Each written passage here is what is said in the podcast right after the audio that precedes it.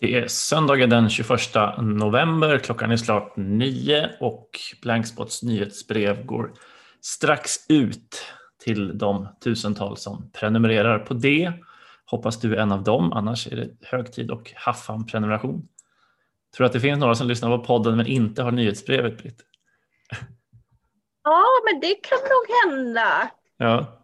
Det, ja, men det tror jag nog.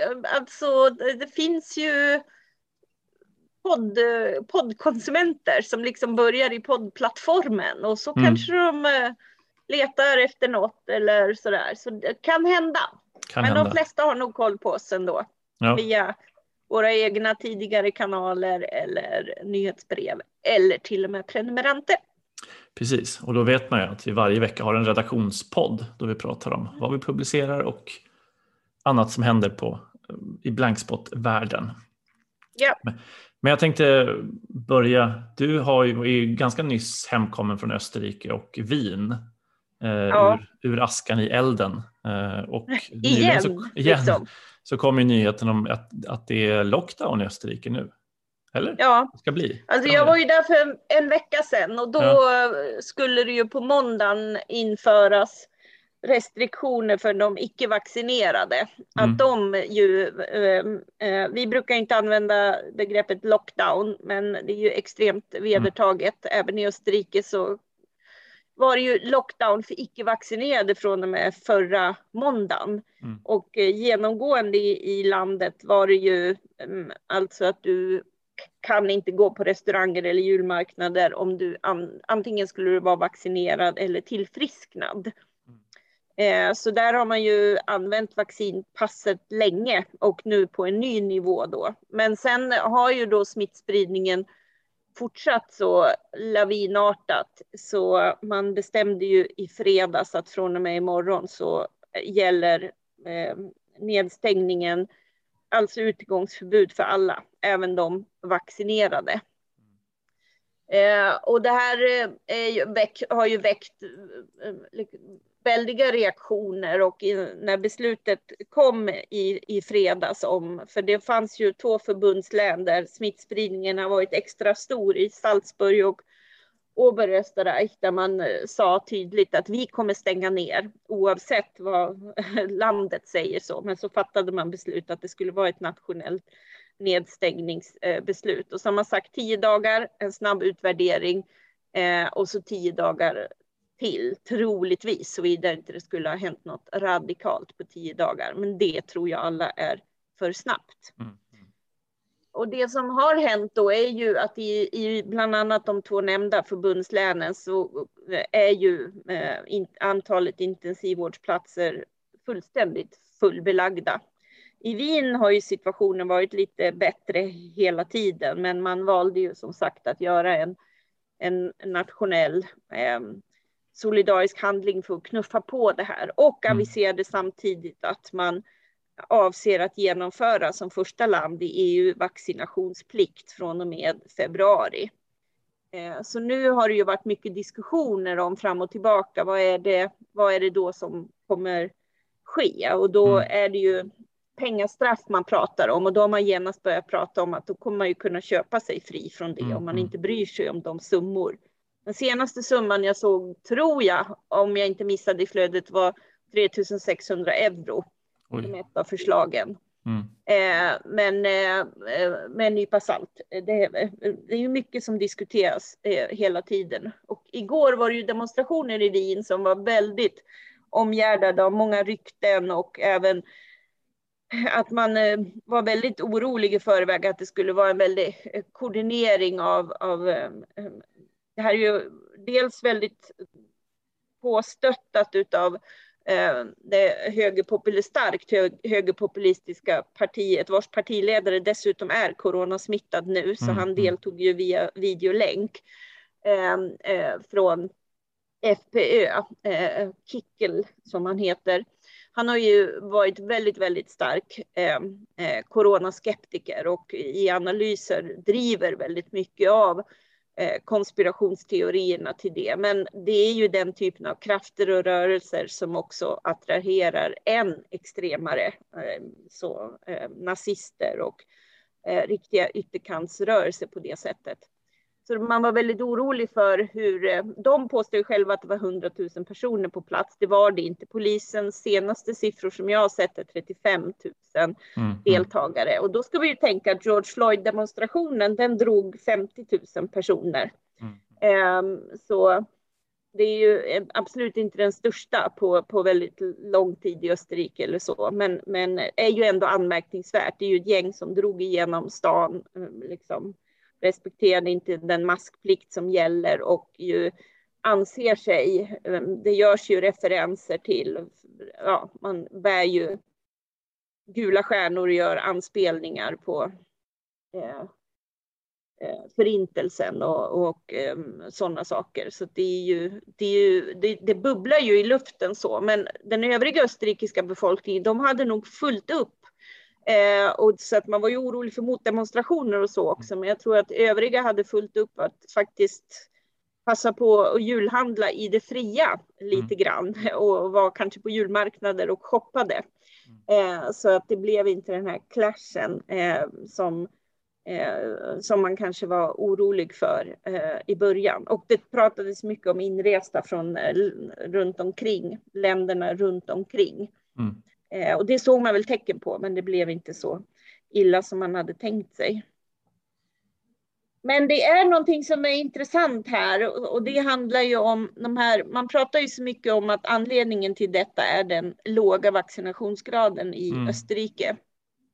Och då är det ju så, jag såg att Reuters har ju en, en, en sån världskoronavirus-tracker som de gör.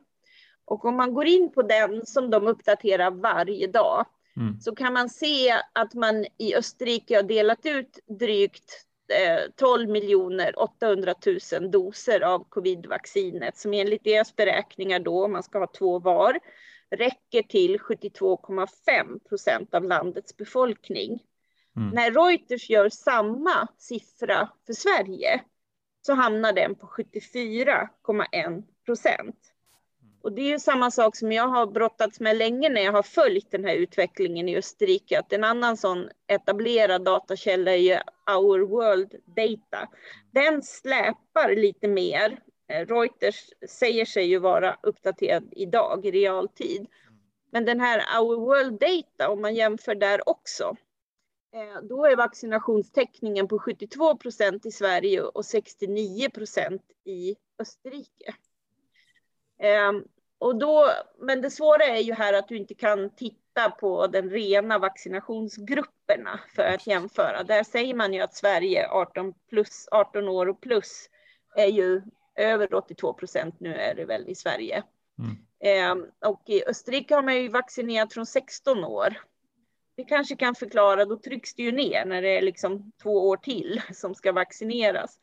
Och sen kanske det handlar om extrema skillnader mellan vissa förbundslän. Eh, eh, där till exempel Oberösterreich och Salzburg kanske ligger mycket, mycket lägre än vad till exempel Wien eller Burgenland som ju hade det här lotteriet som fick väldigt många att gå och vaccinera sig och så. Eh, men om man då tänker att det precis såg jag ikväll har det varit demonstrationer i Belgien mot de restriktioner som också där har införts. Inte lockdown ännu, men ju återinförande av masktvång och eh, den, den här typen av vaccinpasstillämpning tror jag också. Och så har det varit demonstrationer även i Italien och i Nederländerna. I Nederländerna är det väl också en ökad smittspridning. Jag har pratat med många österrikiska vänner och de pratar ju eh, mycket om eh, liksom att viruset måste vara muterat. En av mina vänner som jag pratade med hade fem bekanta som var dubbelvaccinerade som hade fått corona. Eh, så någonting händer ju här. Så frågan är om det inte är så att det här är vad vi kommer se i hela Europa. Men förklarande faktorer i övrigt i Österrike tror jag dels handlar om en extrem rörlighet. Också i regioner, länder som har ännu sämre vaccintäckning liksom, eh, runt om Österrike i Centraleuropa. Eh, eh, och sen är det ju definitivt att i Österrike och även i Tyskland har man ju sedan länge haft en väldigt stor eh, Alltså det är ju väldigt levande med vad heter det, alternativa mediciner och så. Mm. Och min upplevelse av vården är ju, är ju mer att man även inom den etablerade vården ser alternativ medicinering som en komplettering. Det är inte ett främmande ämne på ett sätt som man kanske upplever här i Sverige, att det är mycket mer särskilt och så. Mm. Så man menar ju att här ligger ju också, för det är ju i den alternativmedicinrörelsen som det ju redan innan finns en ganska stor vaccinskepsis till exempel. Om man sen kryddar det med massa populism och de här auktoritära rörelserna som ju här får ett tillfälle att vara in och stöka också, liksom. Mm. Och, och reagera mot något slags, eh, det man upplever som ett, eh, en exkludering och ett tvång från staten, vilket mm. ju alltid känns så galet när det kommer från den typen av rörelser som mig själv också agerar på det sättet. Ehm, men man, eh, det är intressant i den österrikiska rapporteringen att man ju faktiskt lyfter fram problemet med desinformation och konspirationsteorier. Och jag såg nu att de har landat lite i att en av de starkaste åtgärderna som måste lyftas fram nu, det är ju att använda husläkarna mycket mer. Och det påminner ju lite om det vi pratade om i somras, att man har sett i USA också, att vi måste bort från de här stora vaccinationsgatorna och vaccinationskampanjerna utan se eh, vilken resurs den enskilda husläkaren är för att mm. de är ju de har tiden att svara på frågorna och kunna möta dem som är oroliga och så. Själv gick jag ju fram till kön av alla de som stod i kö i, i förra veckan och frågade lite om varför de inte hade vaccinerat sig. Men liksom, mm och, och då, det är ju verkligen att det som har varit ett faktum i Österrike, det är att man har jobbat mycket, mycket mer med testningen. Det har jag ju tänkt på, att där frågar man inte om man är vaccinerad, utan samtalsämnet är testandet och testandet uppe på vaccineringen också. Men det är liksom det som har varit det viktiga. Mm. Och man har ju nu mer så kallade gurgeltest. Du går och köper dig ett kit på, eller du får, du får åtta eh, åtta gurgeltest och så i, din, eh, i, din, eh, i ditt snabbköp eller i en sån apotekskedja. Så går du hem och så gurglar du och så gör du det online. Och eh, om du gör det online så att du via ansiktsigenkänning att man ser att du är du eh, ihop med din legitimation så får du också ett medicinskt intyg som då gjorde att du kunde gå på, på eh, restaurang eller så. Mm.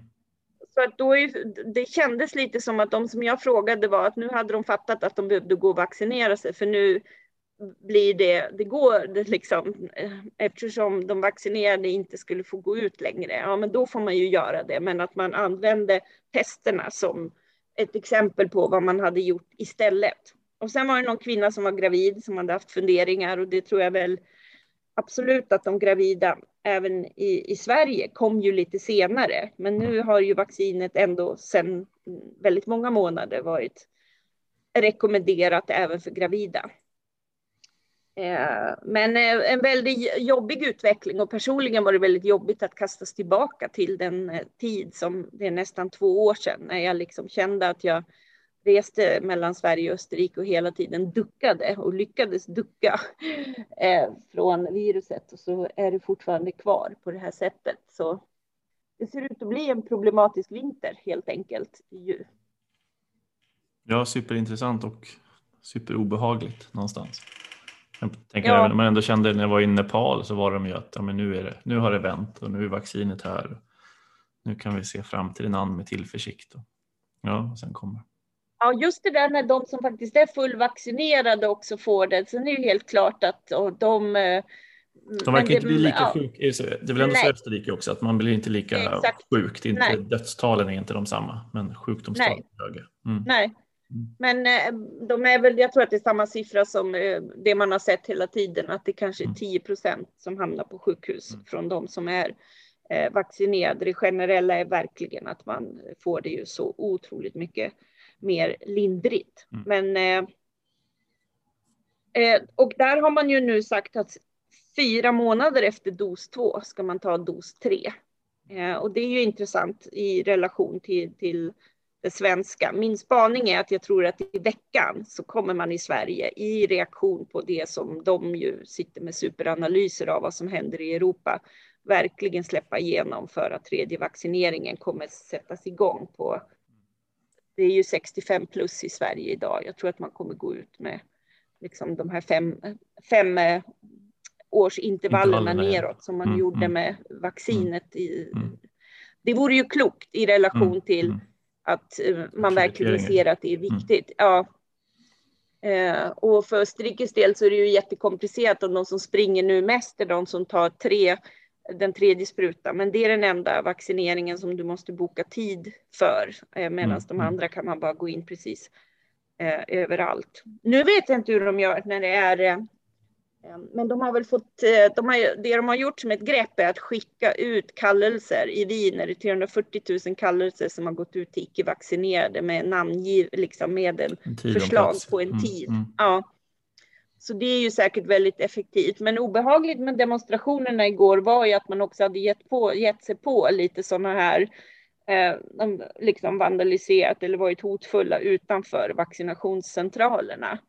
Eh, eh, så ja, det där bubblandet av den här polariseringen som finns eh, blir ju intressant och, och viktigt att följa. Mm. mm. Spännande, ja, men fantastisk redogörelse. Eh, att få den. Eh, du får fortsätta följa det och ja. skriva framöver om den, om den utvecklingen. Ja. Även om den är flyktig och går så snabbt. Eh, I övrigt, jag kan väl dra lite vad vi har i veckans nyhetsbrev som går ut. Ja. Eh, vi har, det är ju ett år nu eh, kvar till att Qatar eh, ska, att VM i fotboll ska dra igång i Qatar. Och eh, de har avtäckt en klocka som tickar ner, som räknar ner i Doha. Eh, jag såg att Olof Lund var där och eh, tog bilder på den klockan. Och Amnesty kom också med en rapport i veckan där man kritiserar då Qatars besked om att kafala-systemet är avskaffat med att så inte alls är fallet menar Amnesty utan även om det är försvunnet på pappret så är beroendet fortfarande för stort mellan arbetarna och arbetsgivarna. Eh, vi har också en snabb guide över val som kommer. Man kan läsa om Tonga som skedde i veckan och eh, Honduras och Chile är på gång. Linnea Bergqvists berömda valguide får jag säga. Eh, eftersom jag diskuterade den, ja, men den på Stora journalistpriset med folk. Ja, den uppskattas av folk verkligen. Ja. Iran har börjat deportera afghaner tillbaka. Vi har ju miljoner afghaner som har flytt till Iran under åren. Eh, accelererat såklart sedan talibanerna tog över.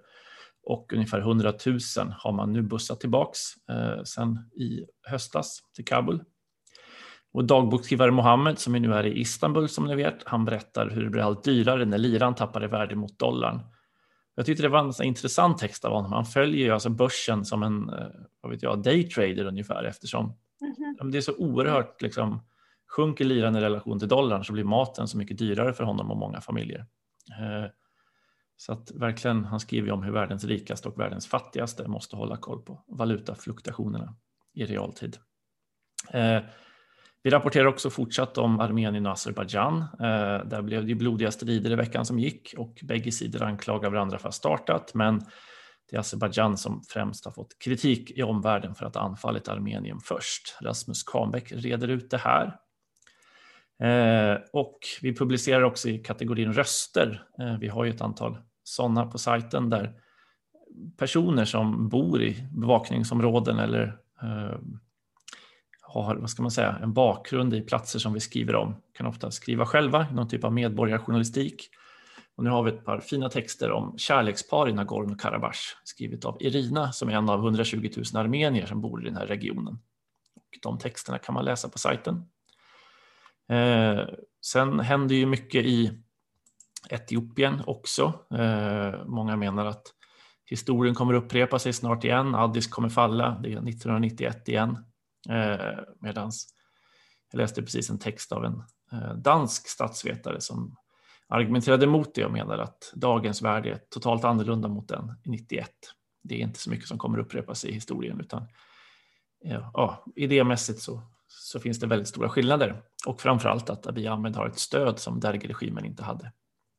Eh, det tänkte jag fortsätta titta på i veckan. Annars blir det ju en vecka av reportageskrivande eh, med Nepal. Jobba vidare med Nepal materialet som jag pratade om i förra podden. Eh, så det finns att läsa på sajten. Annars har jag mest och skrivit. Ja, så la jag, vi la ju ut också en länk till att under bokmässan så deltog jag ju i ett samtal med Sofia Wadesjö Karén från UR och Kaspar Opitz som mm. ny medieombudsman. Där vi diskuterade under rubriken Hur många åsikter tål demokratin? Mm, mm. Eh, så det seminariet är ju utlagt om någon är intresserad av att eh, höra oss prata om det. Jag tyckte det ju var kul att prata med Kaspar Opitz också som mm, ju mm delade med sig några av sina eh, tankar som vi också har sett eh, sedan eh, dess efter hur fler av de här nya medieaktörerna som har eh, klandrats och så. Mm, Men mm. Eh, så den kan vi väl eh, tipsa om och kika på om man är intresserad också. Mm. Och du har ju också minglat med branschen ja. i ja. veckan. Ja, jag var på Stora Journalistprisgalan. en Ja, men en tillställning som väl alla har lite av en vad ska man säga, hatkärlek till. det, det jag har fortfarande lite panik när jag tänker på när vi var där, trots att det var ett så väldigt festligt tillfälle. Men oj, det är en ja. av de konstigaste branschgalorna jag har varit på. Men hur var det i år då? Eh, jo, men jag tyckte det var fint. Alltså det, eh, det kändes mm. som att det fanns en otrolig stolthet över att ja, men all journalistik som hade gjorts under året. Eh, och, nej men jag, jag, tänker också, jag har Stefan Mer som har varit juryns ordförande länge för Stora journalistpriset, han har ju avgått nu. Men jag minns ju att första journalistprisgalan jag var på, då tog han kontakt med mig innan och sa att om jag vill göra någonting för etiopiska journalister som fortfarande sitter i fängelse så fanns galans golv där och man kunde i princip göra vad man ville minns jag 2012. Det tyckte jag var så jäkla fint och fick ju mm. ett antal exiljournalister i Etiopien som några hade uppehållstillstånd, andra hade inte det som fick vara med på galan också eh, och sätta strålkastare Vem är det som tar över hans jobb? Uh, jag har inte den du, branschkollen. Nej. Thomas någonting Nej. kanske? Eh, eh, men jag noterade att David Isak inte nämndes i år. Eh, det fanns ingen sån mm, bild på honom eller tanke till honom. Det har ju alltid varit med annars, vad jag minns på Stora Journalistprisgalor. Ja, det känns det ja, ju som. Mm. Ja, Ja. Eh, och nej, men annars är det ju eh, ja, man, man, man, gör sitt bästa. Man minglar runt, pratar med folk.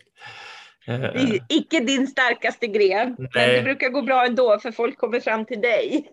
ja, men jag, ja. En, jag såg en ensam vid ett bord stod ju heter han, Estonia Evertsson som gjorde Estonia-dokumentären i fjol. Eh, ja. Jag stod ensam vid ett bord och ställde mig bredvid honom.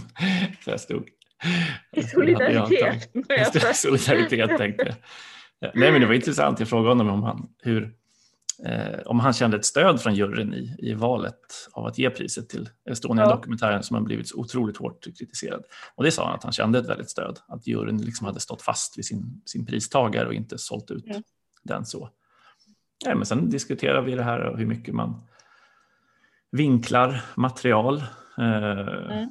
Alltså det här den, det, det, som var fint i dokumentären är ju liksom eh, överlevarnas berättelser och det är en berättelse om Estonia och katastrofen och, och det traumat det är. Också bortom mm. hålet någonstans och, och tesen om hålet. Och där var han väl att ja, det är en kommersiell kanal, de vinklar på det. Sätter rubriker på det. Det fråntar inte honom det ansvaret, men det är ändå alltid en, eh, ja, kan ju vara en, en balansgång till att så här, vi har hittat lite intressanta grejer till att vi har hittat sanningen. Eh, mm. Ja, men sen övergav han mig och minglade, minglade vidare. men, men, det, men eh, hur, hur har du någon eh, reflektion om, om vinnarna eller något som du särskilt vill lyfta fram från vinnarpaletten? Magda Gad vann inte årets röst för sin rapportering från Afghanistan. Nej. Utan det var väl ganska förväntat att det blev. Att Diamant skulle få ja. det för sin, sin uh, bok Tills alla dör. Alltså, det är ju något djupt konstigt i liksom en, en, tävling i journalistik eller vad det nu är. Ja. Det är ju mm. det är någonstans det är, det är obehagligt också. Eh, det var ju som någon sa vid mitt bord att bara så ni vet, jag gör min journalistik för läsarna. Eh, de, de är det viktigaste. nu låter jag pretentiös, men alltså, det, det är ju, alltså, att det ens ska behöva sägas är ju, säger ju någonting. Eh, men vi hade ju med en läsare, man får ju ta med plus en när man var nominerad, då hade vi med en blankspot-läsare. Kommer du ihåg det? Han var ju helt källchockad efteråt över att ja, ja, alla tyckte det var så var konstigt ju... att vad hade han där att göra ungefär och alla var totalt ointresserade av honom och hans perspektiv. Ja.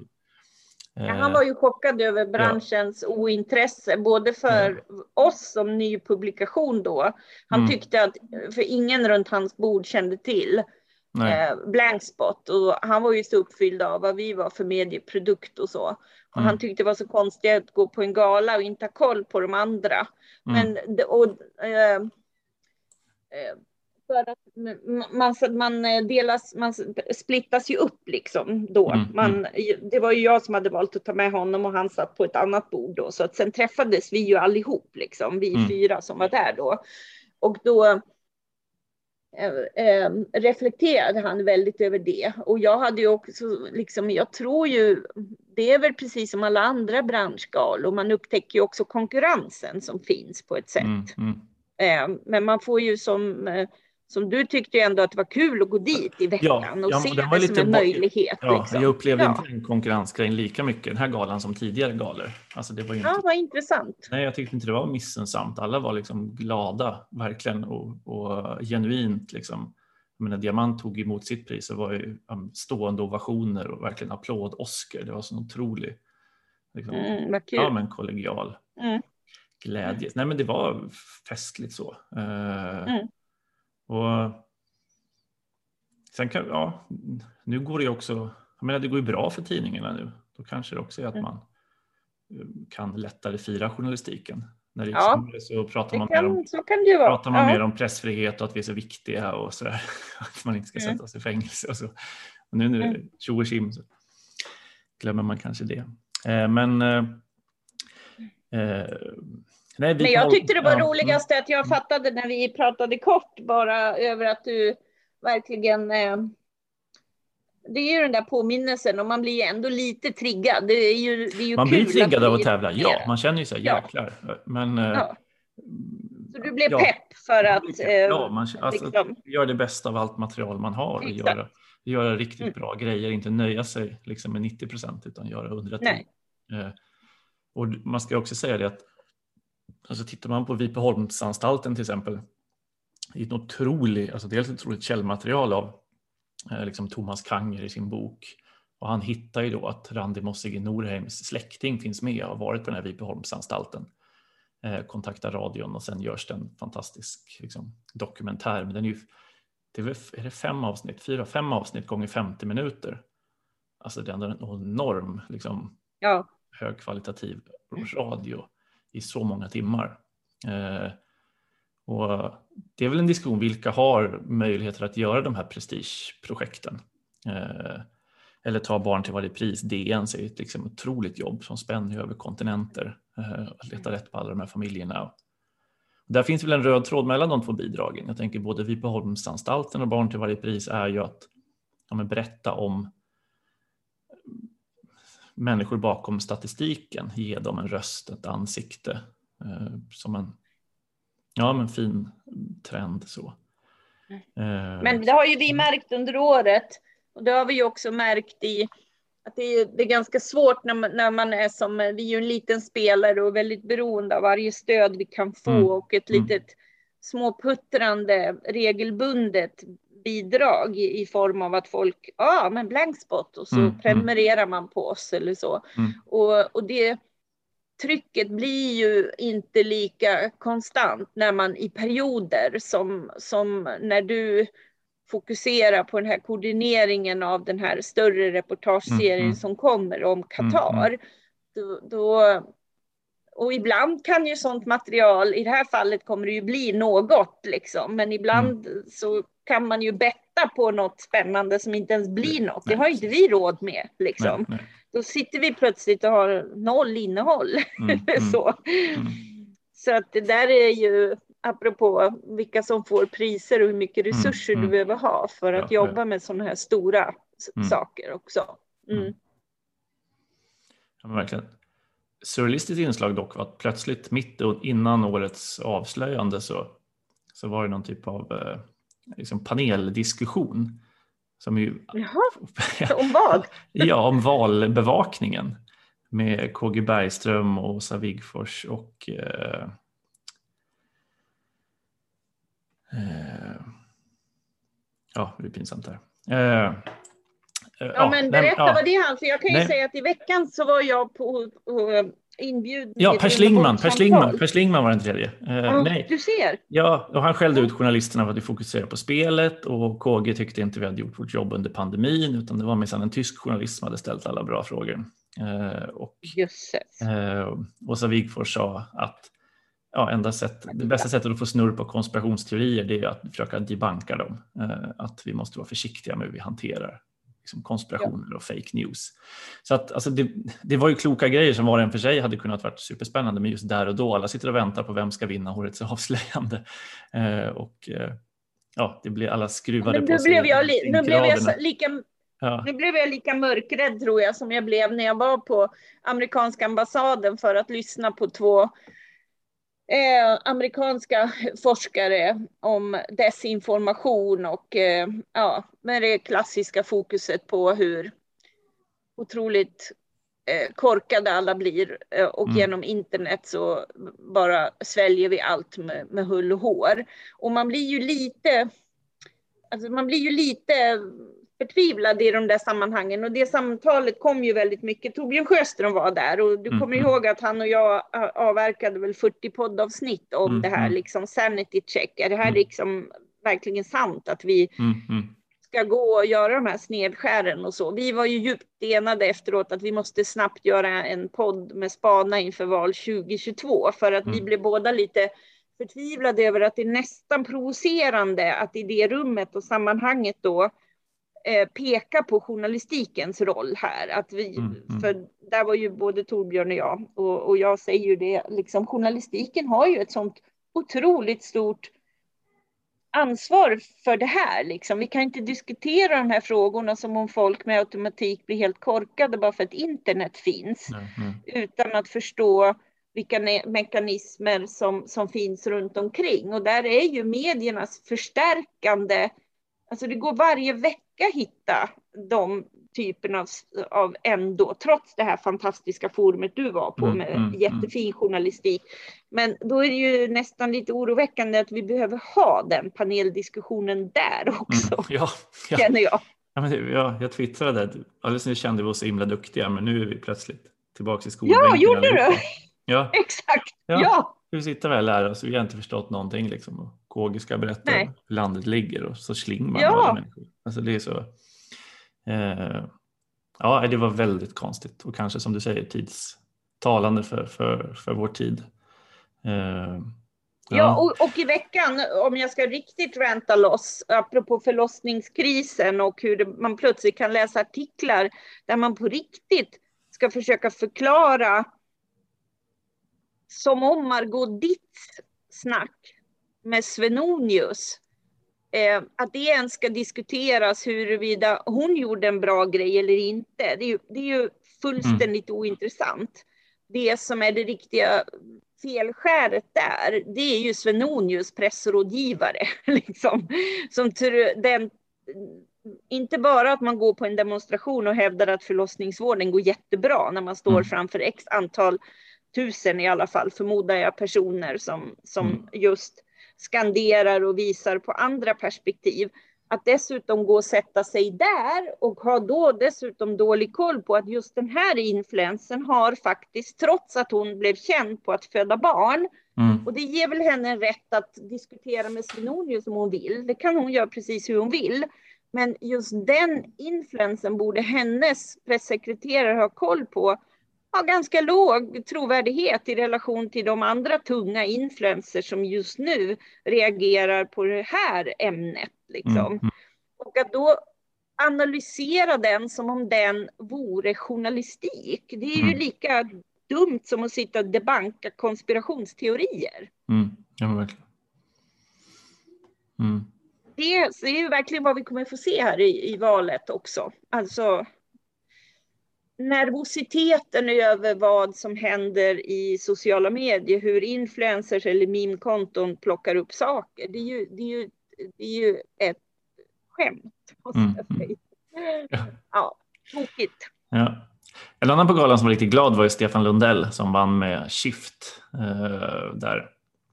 Enligt hans Break speech. Break it, precis. Ja. Eh, att få Stureplan kapital att investera i företag i orten. Eh, ja, men han var superlycklig och vi pratade lite efteråt. Blankspot och Breakit startade ungefär samtidigt och han mindes när han var på vår eh, crowdfunding-dag och var med där och pratade eh, om Ja, crowdfundingens möjligheter och så. Så han var jätteglad att, att eh, vi bägge har överlevt som medieprojekt. Även om han sa väl själv att hans nisch är lite mer lönsam. Eh, ja men han, de har ju gjort ett, ett jättebra jobb. Och Oj, ja, otroligt, otroligt. Duktiga. Man tittar på Ja. dem och då får man ju bara lägga ner känner man för att man Ja. inte gör allt det. Ja, men han var eh, peppande. Han bara, ja, med lite paketering och lite marknadsföring och lite liksom. Ja, han exakt det där Han trodde på oss. har. Han trodde på oss. Eh, det var Ja, jättekul kul ju. Men honom. väldigt Ja. roligt. Mm. Och det är kul med glada pristagare. Ja, ja men verkligen. verkligen. Ja, verkligen. Eh, att, Men apropå Ja. crowdfunding-event ska vi ju inte glömma att vi den 9 december mm, med start klockan 17 eh, tänker ha en liten eh, påminna om vad vi har för stora saker i pipeline och också eh, göra en liten runda för att värva fler prenumeranter. Vi behöver det för att gå i mål och vi skulle ju så, vi gjorde ju ett utskick ganska nyligen. Vi skulle ju så gärna vilja anställa eh, ytterligare en medarbetare och Mm. eh, vi har så många roliga saker i pipeline där man skulle behöva vara, kunna fokusera på det eh, och eh, få, få in resurser till det. Så vi tänkte att det bästa sättet är väl att berätta vad vi faktiskt ska, ska göra Mm. eh, och att det kan inspirera och kanske leda till julklappsinköp av prenumerationer och så vidare. mm. Eh, och så får man väl boka passa på att tacka dem som redan Mm. har eh, eh, gått in och eh, eh, bestämt sig för att prenumerera sen vi gjorde det utskicket. Men det behövs mer. Mm. Yes, yes.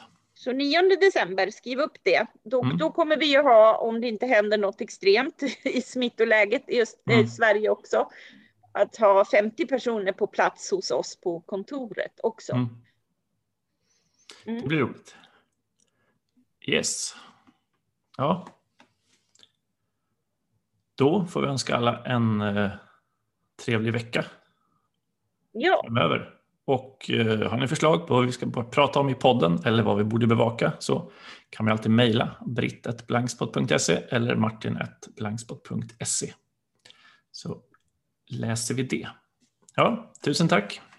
ja perfekt. hej. hej. hej.